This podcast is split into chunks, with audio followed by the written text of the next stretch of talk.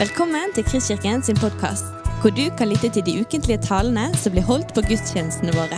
Vi håper denne podkasten vil inspirere og utfordre deg til å kjenne Gud, elske mennesker og tjene vår verden. Jeg har hatt litt prestasjonsangst. Du vet at jeg, jeg har en liten flokk vanligvis som jeg taler til, og her er det jo masse mennesker. Og så folk med så mye kunnskap og erfaring. Og så kommer vi fra Stord. Hæ? Det kan bli bra. Kan bli bra. Sammen for å nå ut til temaet. Og dette har dere holdt på med nå i fem ganger før. Så jeg er, jeg er nummer seks. Og så måtte jeg spørre Endre har dere snakket om gateevangelisering. Nei, sa Endre. Da snakker jeg om gateevangelisering. For det må vel sies å være å nå ut? Er ikke dere enige i det? Ja. Hvor mange av dere er det som er med på gateevangelisering? For jeg ser det er noen i Bergen by som holder på med det. Er det noen her i Kristkirken som er aktive i gatekirkemiljø? Se der, Rolf Helén. Så bra. Ja. Jeg må jo først komme meg ut av leiligheten. ja. Ikke sant? Herlig.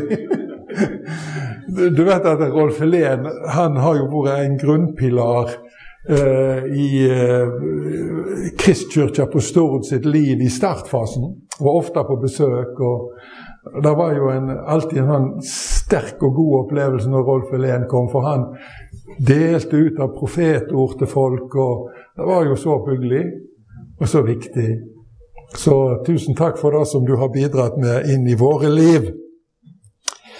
Her kunne jeg jo stått og snakket historie, men jeg kan jo ikke det. Jeg må jo, jeg må jo si det jeg er kommet her for å si. Vi er jo en liten flokk på Stord, eh, så vi kan ikke ta i bruk alle verktøy i Guds verktøykasse vedrørende organisert evangelisering eller nå ut-arbeid. Men vi har landa på gateevangelisering. Det er veldig konkret. Å, og så er det sånn som går an å gjøre i lag. Sammen for å nå ut. Så vi har kjøpt oss et eh, telt som vi kaller for gatekirka. Du finner flere sånne telt rundt omkring i Norge, Norge men der heter de Gatekirken. Men hos oss heter det gatekirka. Eh, partytelt. Og det passer jo fint, for Guds rike er jo litt party. Er det ikke det, da? Kjenner du på det? Party å gå på gudstjeneste. Party faktisk talt å være på bønnerommet òg. Jeg syns det er av og til litt party òg. Jesus-party. Eh, men som jeg har landa altså på gatemisjon. Og nå skal jeg ikke si at vi er verdensmestere på noen måte, men vi har mål å bli verdensmestere på gatemisjon. Vi har veldig lyst til å bli knallgode på det.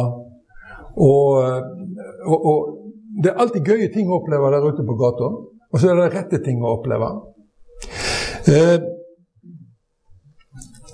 men jeg har lyst, før jeg går videre på dette med gatemisjon, så har jeg lyst og en ting til jeg har lyst til å framheve fra våres liv i, i uh, Kristkirka på Stord.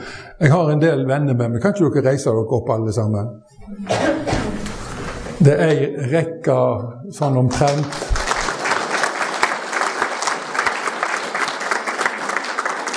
Og mer og mindre så har jo hele denne gjengen vært med ute, ute på striden da, for å dele evangeliet med, med de fortapte av Stords hus. Det er en del fortapte folk der nede. Det er det altså. I tillegg så, så har vi Marie Hun eh, driver med, med nabomisjon. Eh, hun ble enke for 10-11 år siden og har etter hvert gjort heimen sin om til en sånn der ba, åndelig base for naboskapet. Kan jeg si det på den måten? Kan det. De kommer til, kommer til Maria, og hun samler naboene. Og så deler hun evangeliet med dem på kreative måter. Og de kommer igjen kristne og ikke-kristne. Og så detter noen inn på gudstjenesten i ny og ne. En av de er blitt fast, og noen de kommer innom for å smake på fellesskapet. Så det er fint. Eh, men det er på en måte Marie sin spesialtjeneste, akkurat det der. Eh, modellen er enkel. Vi går på torget, vi slår opp gatekirka vår. Setter opp noen bord. Legger ut bøkene våre, traktatene våre. Og så har vi med oss ei stor steiketakke. Og der steiker Marit og Marie som oftest da de aller deiligste lappekakene du kan tenke deg. De, altså I utgangspunktet er jo de mye mer attraktive enn evangeliet, da. og folk kommer for å få seg lappekake. Men de, de, går ikke vekk uten å ha fått evangeliet. Det gjør de ikke. De må alltid få seg en eh, traktat, et hefte med seg når de går. Så sier vi at vi skal ikke ha noe for lappekaken og kaffen, men betalingen er at dere tar med dere evangeliet. Eh, eh, vi har eh, med oss ei tegnetavle. Det er noe, slikt som skal ha offentlig presentasjon av evangeliet om Jesus. Så har vi budskap, godt, for, godt, forberedte budskap. med maler, tegner, forkynner, roper ut de gode nyhetene.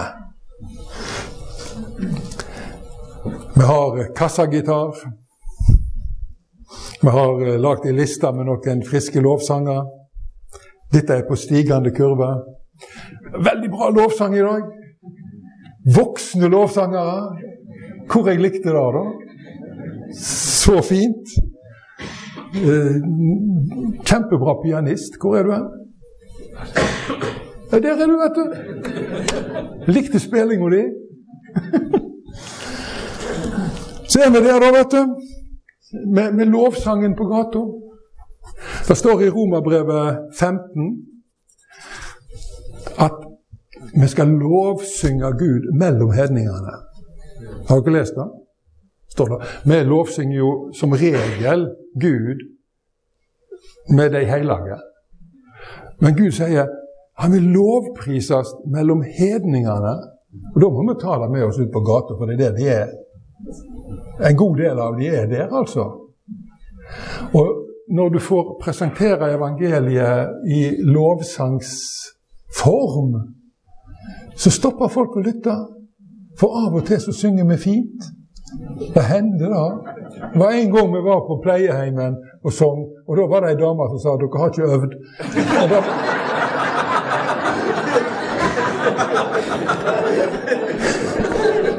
det har du rett i. Skam på oss. Og så har vi med oss godt humør. Det er viktig. Kristne må alltid være i godt humør, vet du. Det er sentralt i kristenlivet. Åndens frykt, glede. Og så, og så er det rømme til lappekakene, syltetøy og kaffe og saft. Og så er det åndens kraft og Jesu kjærlighet. Ut på gata med det. Og han kommer alltid med innspill når vi prater med folk, og så berører han dem vi ber for. Det har vi sett så ofte. Ber for folk i ulike livssituasjoner. Og Det som er litt sånn på Lærvik, og særlig hvis vi er ute på dagtid, så møter vi mye gamle folk. Og mange av de går med ei sorg.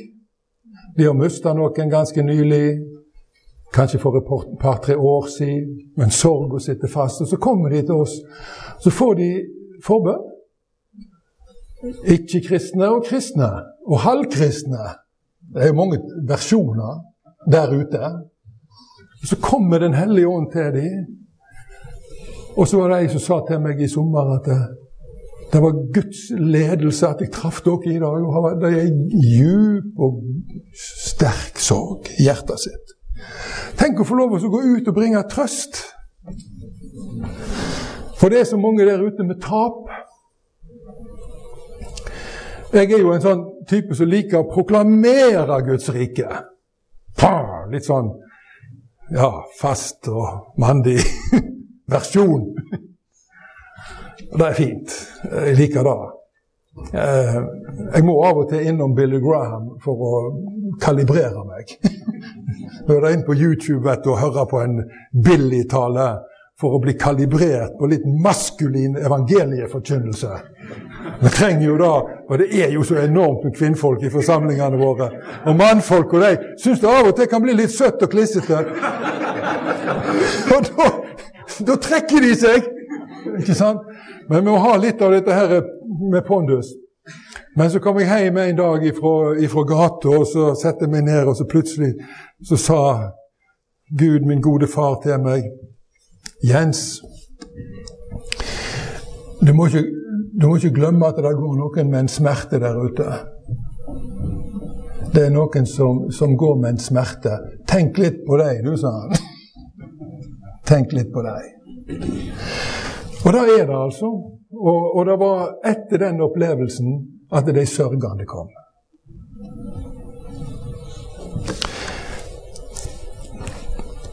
Ja eh, Gateevangelisering.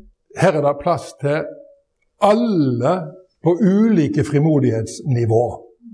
Det er jo ikke alle som kan føle liksom en gang at nå skal jeg springe rundt og ta kontakt med fremmede folk og høre hva de har tenkt om Gud og Jesus og hele den pakka der. Eh, men alle kan steke lappekake.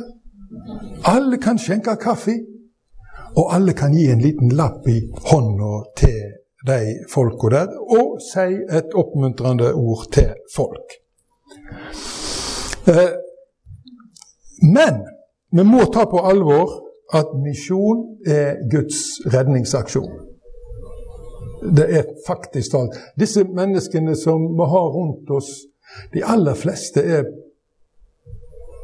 på vei mot feil mål. Og Det er jo derfor Jesus sto fram i starten, både han og døperen Johannes, og da de ropte ut av at folk måtte vende om, for himmelriket var kommet nær. Folk måtte snu, reorientere seg for å vende blikket mot Gud og mot himmelriket. Og den gode gamle Reinhard Bonkan er nå død nå. Han sa at vi skal plyndre helvete og fylle himmelen med skjellet. Og det gjorde han, altså. Nede i Afrika der. Han òg er en sånn type som jeg av og til må lytte litt til for å kalibrere sinnet. det er det. I Lukas 14, 15-23 så finner dere jo eh, likninger om eh, kongesønnens bryllup. Og uh, kongen sender tjenerne sine ut for å invitere folk til bryllup, og så er det ingen som har anledning. Ingen som sier ja. De har forferdelig dårlige unnskyldninger, men i alle fall så har de iallfall ikke lyst til å komme i det bryllupet. Og da står det at kongen ble, ble sinna. Og så sendte han tjenerne sine ut. Nå må dere komme dere ut på gatene og på torga og i veikryssene. Jeg vet ikke om du noen gang har forkynt evangeliet i et veikryss. Det kan jo ha sine sider. Særlig i våre dager når vi har fått automobil. Men ut der målgruppa er Og så sier han, så inviterer du inn de fattige, de blinde, de halte. For mitt hus skal bli fullt. Og det er fars store mål med sin menighet. Hvorfor i all verden er vi her, da? Hvorfor, hvorfor er vi ikke i himmelen? Dere har jo nå vært involvert i Agenda 1. Og Der er det en trekant. Og det er opp mot Gud, må ta vare på gudsforholdet ditt. Og så er det inn i fellesskapet, må ta vare på fellesskapet. Og så er det ut mot de fortapte. Tre dimensjoner som vi skal leve kristenlivet vårt i.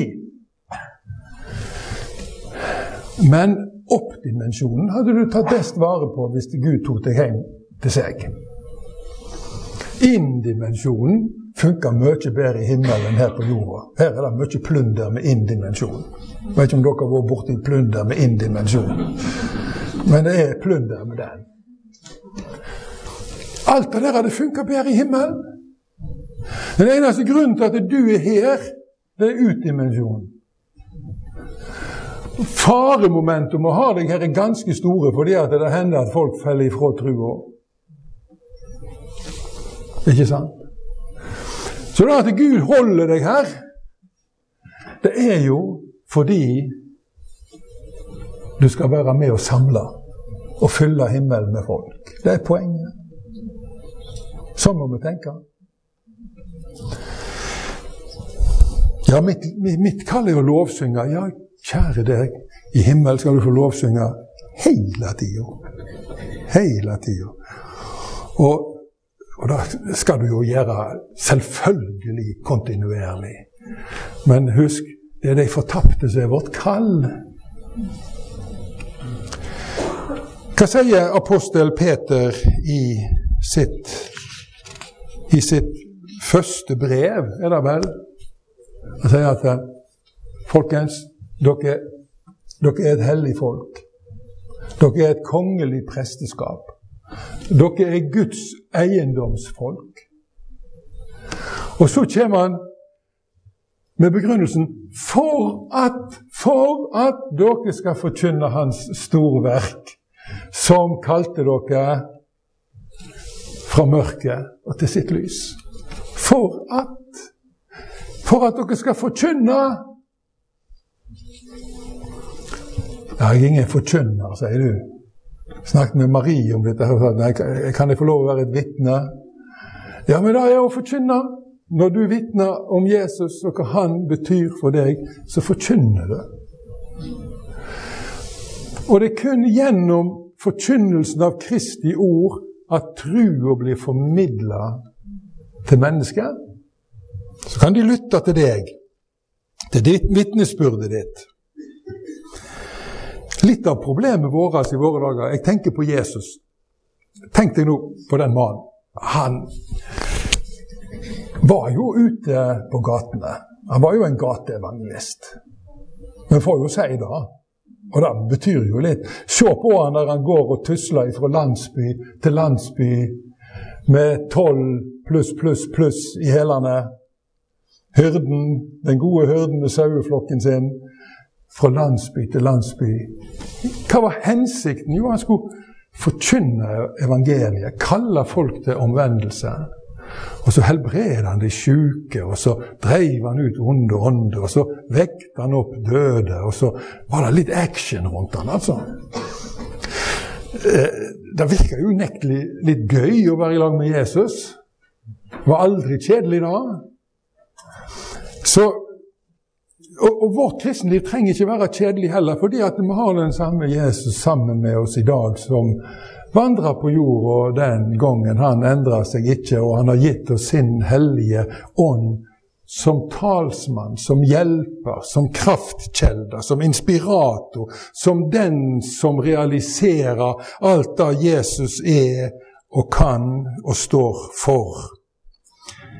Men Jesus, altså, han hadde denne modellen sammen for å nå ut. Og han lærte disse folka sine opp i hvordan de skulle møte fortapte mennesker og formidle Guds rike inn i deres liv. Og Det er noe som vi kaller for disippelskap, og det er jo sentralt selvfølgelig også i Kristkirken i Bergen. Eh, og Fordelen med Jesus var jo at han førte sine venner inn i Guds rike formidling. Både for deres sjel og deres ånd og deres kropp. Mange av oss som lever i dag som kristne, det er jo ingen som har disippelgjort oss ordentlig. Det er ingen som har tatt oss med ut på gata og vist oss hvordan vi skal gjøre ting. Mange av oss som prøver å disippelgjøre folk, trenger ofte sjøl å bli disippelgjort. For vi har ikke den nødvendige kompetansen på området. Men vi har i alle fall Den hellige ånd, så selv om noen generasjoner har svikta i å disippelgjøre kommende generasjon, så er det alle tiders muligheter til å ta tradisjonen opp igjen med disippelgjøring av kommende generasjon.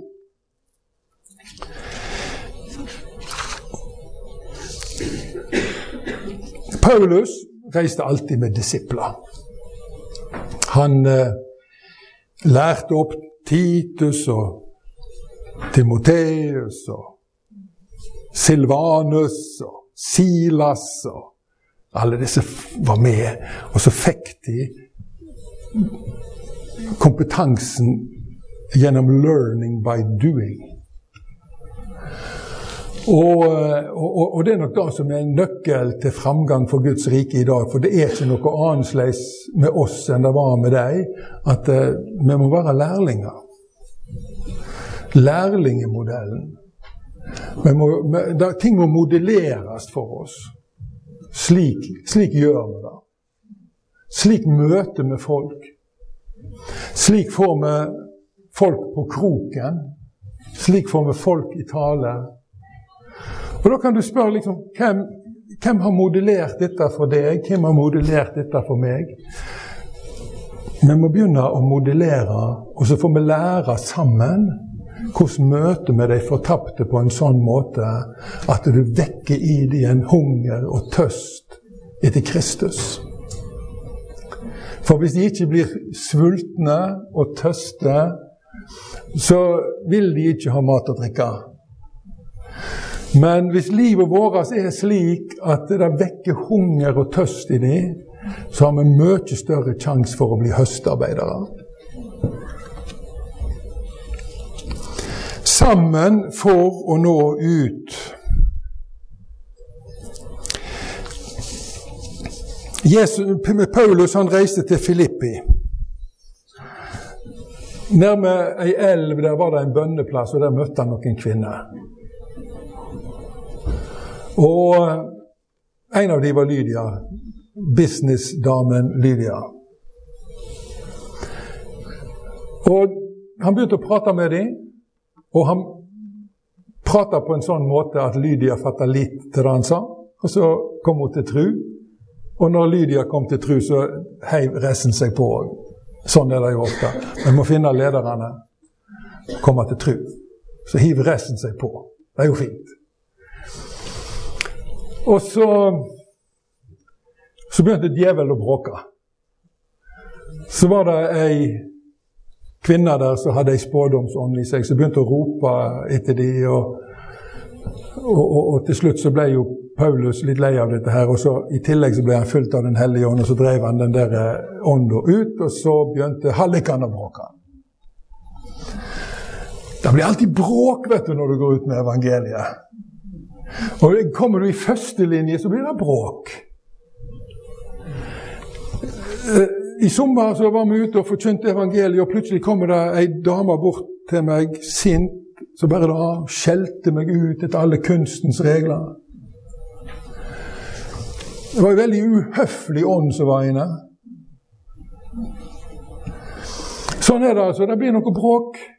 Og Da må vi, må vi stå litt i, altså. Vi må det. For vi kommer ikke liksom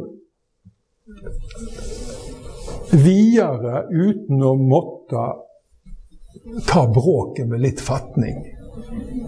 Ikke klage og syte om det blir litt bråk. Bråk er helt normalt i Guds rike. For vi står nemlig i en konfliktsituasjon. Så dere skal ikke, være, dere skal ikke bli veldig forundra over det som kommer over dere, sier Peter. Må ikke være forundra over det. Helt normalt. Blir litt bråk. Men det er da vi har styrken både i Gud og i hverandre, for vi er flere. Så ber vi for hverandre, så får du deg et sår, og så kommer det en broder og legger hendene på deg, og så ber han for deg, og så kommer Guds ånd, og så legger han salve på det såret. Du er blitt utskjelt litt, og, og, og så videre. Men Tenk gjennom når sist ble du utskjelt? Fordi du forkynner Kristus? Kanskje det kan være et spørsmål å tenke litt på? John Wesley, den store metodistskiperen,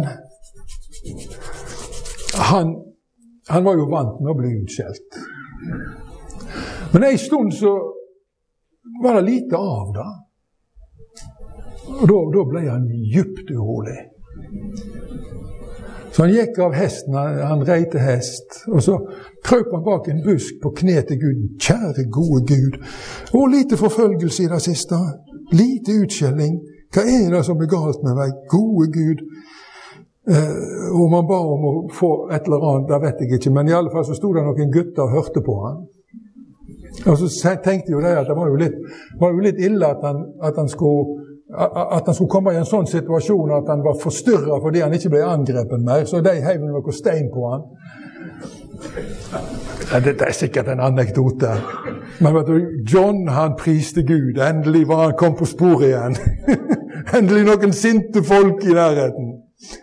Det er ikke vanskelig å finne sinte folk i våre dager. Det er veldig enkelt. For djevel bråker forferdelig for tida. Ja, Men da han bråker, skal ikke holde oss tilbake. Vi må forkynne Hans storverk som kalte oss fra mørket til sitt underfulle lys. Og vi må gjøre det sammen. Vi må ikke bare overlate sånne viktige ting til én og én. Det er teamwork.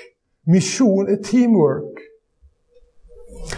Og særlig sier jeg har så mange fine ledere framfor meg her.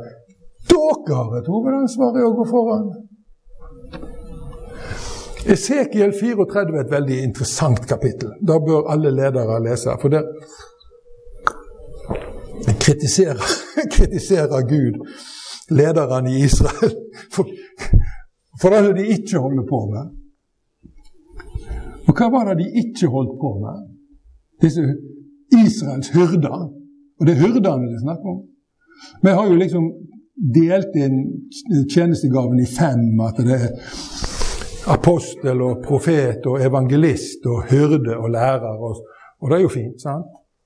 Men, men hyrdene har en veldig spesiell plass. fordi at Jesus kalte aldri seg sjøl for den gode apostel eller den gode profet eller den gode evangelist. Han kalte seg for den gode hyrde. Hyrdeidentiteten hans var mye sterkere enn apostelidentiteten. Og når han går og, og, og, og, sier at 'jeg er den gode hyrde', så, så er liksom ja, Den gode hyrde, hva holder han på med, da? Jo, Det ene var at han gav livet sitt for sauene, og det kan jo bli at en må gjøre i en gitt situasjon. Men, men, men han er ute og leter etter de fortapte. Etter de som har gått seg vekk. Han er ute på søk. Han har en sterk evangelisttjeneste, den gode hyrde. Han lar de 99 være igjen, og så er han ute i bushen for å hente den som har tutla seg vekk. Det er normalt for hyrder å holde på med. Så Derfor så må hyrder gå i tet. Og så nå tilbake til Esekiel 34, der, der, der Gud kritiserer disse hyrdene. For, fordi det er noe dere ikke har gjort! Dere, dere har ikke styrka de svake. Dere har ikke oppsøkt de fortapte. Og dere har ikke tatt Eller forbinda de som har vært skadde. Tre ting. Og fordi dere ikke har gjort dette, så får dere kritikk av meg. Og fordi dere ikke har gjort dette, så vil jeg komme sjøl og gjøre det. Jeg kommer sjøl. For å oppsøke de fortapte, for å forbinde de skadde, for å styrke de svake. Jeg kommer sjøl! Og så holdt han ord. Og så kom han sjøl, som den gode hyrde. Fantastisk. Les kapittel 34. Og, og da ser vi at hyrdene må gå fremst i dag og lete opp de fortapte, binde om. Og så var det én ting til. Nå glemte jeg jo det. Dere, det var én ting til dere ikke hadde gjort, sa han. Så jeg forventer av dere at dere gjør. Dere har ikke helbredet de syke. Det er òg Hører kapittel 34 i Esekiel. Og når Gud sier 'jeg kritiserer dere fordi dere ikke har helbredet de syke', hvordan responderer vi på det, da? Ikke sant? Ved å begynne å helbrede de syke. Legge til rette for helbredelsesgudstjenester og gå rundt og alltid ha ei oljeflaske i lomma. Det er noen her jeg kan salve og be for. Dette Gud vil. Dette er Guds rike. Og hvorfor i all verden skal hyrdene gå først? Jo, fordi at det, dere som hyrder skal lære opp de andre til å gjøre akkurat det samme. Sånn er det. Det står i Jakob 5 at det, ja, er noen av dere syke, så skal jeg kalle til dere menighetens eldste, og de skal salve han og be for han. Og så, så, så skal bønn og bedt i tru hjelpe den syke. Men det står ikke noe forbud mot at vanlige folk kan salve og be for folk. Det står bare at hyrdene skal iallfall gjøre det. Og så skal vanlige folk Å, holder dere på med det, dere? Ja, men dere er jo mitt forbilde. Jeg skal jammen begynne med det, jeg òg. Ja, det, tror jeg jammen og, og, og, hvis du Tenk nå på at hvis du har en hel menighet som raser rundt og ber for syke, vet du hva resultatet vil bli? Flere friske. og det er jo bra. Men det fineste er flere som tror på Jesus. For de blir jo så berørt av Guds kjærlighet. Hver eneste som opplever helbredelse, oppleve en berøring av Guds kjærlighet. Det fins en Gud! Og han elsker meg såpass at han har berørt meg. Jeg har jammen lyst til å bli kristen. Det er ikke alltid så vanskelig.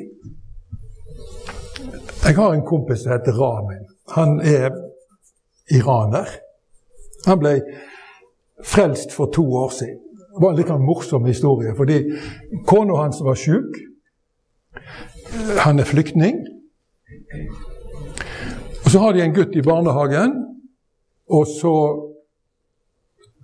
hadde hun delt sine problemer med søsteren min, som eier og driver denne barnehagen. Og så sier hun ja, kan ikke du, kan ikke du spørre om broren min sånn og sånn kan komme og be for deg?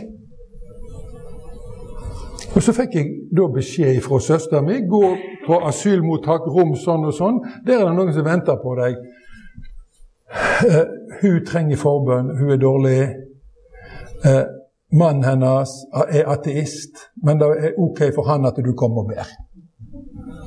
Ah, herlig. En sjuk muslim gift med en ateist. Du får det ikke bedre! Halleluja! Du vet at jeg, da var jeg kjapp på foten. Sånn? Og så, så, er de jo litt skrøpelige i norsk, men jeg fikk iallfall prata litt med dem slik at jeg forsto problemstillingene. Så sier jeg til Ramen ja, du du tror ikke på Gud, du? Nei, han var kommunist og ateist. Amen. Men du, det er ok for deg at jeg ber for kona di? Ja, ja, da, det, det måtte jeg gjøre det. Var fint. Så ber jeg for henne. Og mens jeg ber for henne, så møter Gud han. Er ikke stilig? Så når jeg er ferdig å be for henne, så Jens, Jens, du må be for meg òg! Ja, men du er jo ateist. Ja, men be for meg! Så ber jeg for han, og så tar han imot Jesus. Så er han ikke ateist lenger. Det var veldig kjapt gjort.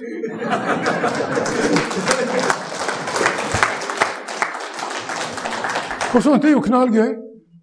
Eh, altså, det er jo ingen som er så lett å være evangelist for som iranere. Gud har en agenda med den gjengen der, altså. Eh, I dag er det jo ikke mer enn en tredjedel av de som bor i Iran, som definerer seg som muslimer. En tredjedel. Og så er det en tredjedel som definerer seg som ateister. Og så er det en tredjedel som samler opp i seg alt mulig annet rart. Men Guds rike går fram som aldri før i Iran. Det er den mest veksende kirka i verden prosentvis per år. 20 nye kristne per år. Og disse folka her, de vet hvordan de skal dele evangeliet sammen. Kjære venner, det kunne jeg også snakket lenge om. Men jeg må jo begrense meg. Jeg har sikkert brukt for mye tid på dette her. Men, men, men sånn er det når en snakker seg litt varm. Men Ramin, altså, han ble frelst og døpt og stelt. Og så, så, er, han, så er han ledertype. Han er med i selvfølgelig et sånt politisk kurdisk samfunn, og de, er, nå har han vokst opp i gradene der. Men du vet at han er leder for folket sitt. Jeg har sagt at det blir det en kurdisk stat en gang. Ramin, så blir du president. Ja, sa han. Han var helt enig. Og så kommer det en ny kurdisk familie på mottaket. Og Ramin går og gjør seg kjent med dem. Og ganske kjapt så er han på dem, og så sier han Nå er tida kommet da dere skal bli kristne. Så ser de på han. Ja vel. Ja, sa han. Sånn er det. Og du vet at det går rett inn hos dem. Hvis, det, ja, hvis det er sånn det er, så må vi jo bli det. Kjære venner. Så nå ganske nylig så hadde vi dåp av denne nye familien. Og så kommer Ramin bort til meg. 'Jens, du bruker altfor mange ord når du skal frelse folk.' Du må bare fortelle dem hvordan, fortell dem bare hvordan det skal være. Det er mye enklere da, sier han. Så lærte jeg noe nytt hos min gode broder. Kjære vene. Helt til slutt. Jeg elsker andre Korinterbrev, kapittel 5. En av mine favorittkapittel. Og der, der står evangeliet forklart på en sånn nydelig måte. Først så sier Jesus, nei, Paulus Kristi kjærlighet tvinger meg, sier han. Og han til å fortelle om Jesus til andre folk. Jeg, jeg kjenner jeg er under tvang. Jeg bare må. Jeg må bare fortelle det er så stort for meg. Men så legger han til en annen plass men fordi jeg kjenner frykt for Herren, så søker jeg å vinne mennesket. Så han var nå litt sånn dobbeltmotivert da. Han hadde jo fått et veldig klart mandat i verden, så han ville ikke, han ville ikke tulle med mandatet sitt. Jeg kjenner frykt for Herren. Det er en god ting å gjøre, folkens. Og så Kristi kjærlighet på andre sida. Og frykten for Herren og Kristi kjærlighet, ja, da driver oss ut i misjon, altså. Og så sier han fordi vi har gjort opp med oss sjøl. Og da når, altså, når apostel sier da 'Vi har gjort opp med oss sjøl', da kommer det noe viktig etterpå. At Kristus døde for alle, for at de som lever, ikke lenger skal leve for seg sjøl, men for Han som døde og sto opp for dem. Da er begrunnelsen for å bli kristen. Vi har jo ofte lett for oss å si til folk at du må bli kristen fordi at det er så bra for deg. Fordi at da unngår du en del plager, og så får du en del goder. Og så blir det litt sånn forretning. Og jeg sier det er helt ok. Det er greit å bli kristen for å få det godt, og det er greit å bli kristen for ikke å få det vondt. Helt ok. Men det er ikke derfor du blir kristen. Du blir kristen fordi det handler om Gud, fordi Gud er Gud. Fordi Gud har rett på livet ditt. Han er din skaper. Han er det som kaller deg til å bli kristen. Derfor bør du bli kristen, for det er han som er kongen. Så uansett hvordan du har det, uansett hvor bra du har det, så er det rett for deg å bli kristen. Fordi Gud har sagt det. Og det er jo litt fint for deg og meg òg. Fordi at det, Gud sier til deg Jeg, jeg er den som utsletter dine overtredelser for min skyld. For min skyld. Fordi du er så viktig for meg, så har jeg tatt vekk dine overtredelser. Ikke først og fremst for at du skal ha det godt, men fordi jeg er så glad i deg så har jeg fjerna syndene dine. Og du kan bare komme. Og her er du alltid velkommen. Og her er alt ok. Sønnen min har gjort det ok for deg. Så bare kom. Men for all del, du må komme. Det er jeg. Jeg er Gud. Jeg taler til deg. Du må komme. Du må ikke holde deg unna. For det er viktig når Gud taler.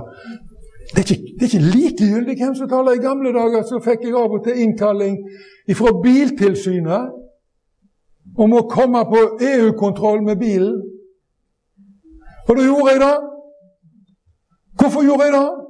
Jeg visste jo det kunne gå galt med lommeboka. Men hvorfor kjørte jeg bil på EU-kontroll? Jo, fordi det var en med autoritet som hadde sendt meg et brev. Og sånn tuller du ikke med. Du bare får bil på EU-kontroll, og så betaler du hva det koster etterpå. Og så puster du letta ut hvis du har råd. Og hvis ikke, så går du og leverer inn og får panten tilbake. Ikke sant? Men når det er Gud som taler, så tuller jo ikke folk med det. Og det er fantastiske med Gud er at han sier 'Kom til meg, og det skal ikke koste deg fem øre'. Men kom, fordi det er jeg som taler til deg. Det er myndighet. Så sendte Gud, så sendte Jesus ut de tolv. Han sa dere må, dere må be høstens herre om å sende arbeidsfolk ut til sin høst, sa han. Han fikk medynk med folket.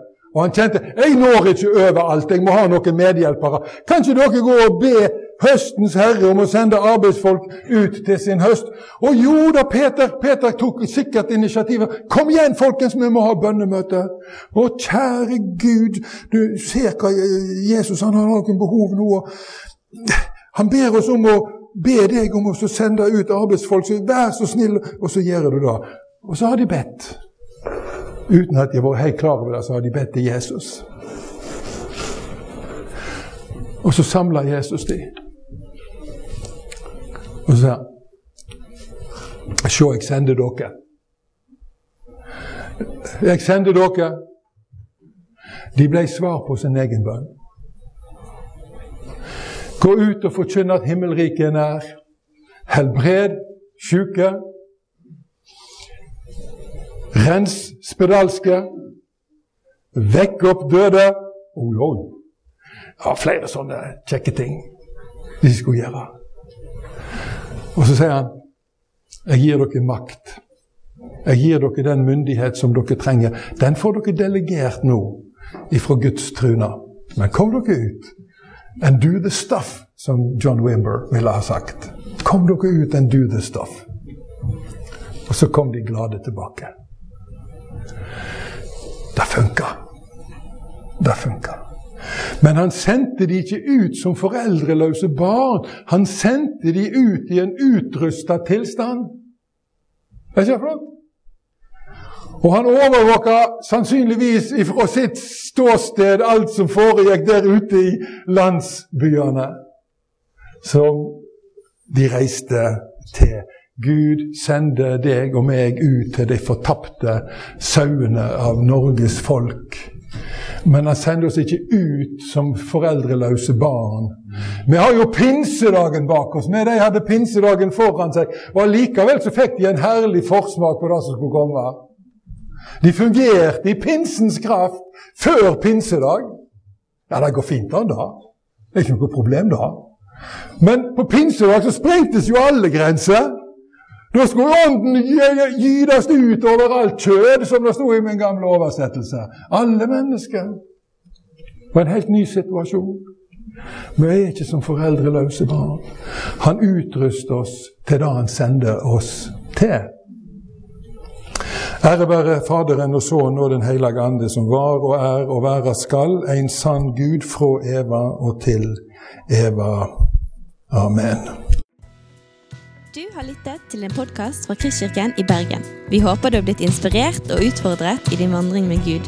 Vil du vite mer om oss, så klikk deg inn på kristkirken.no.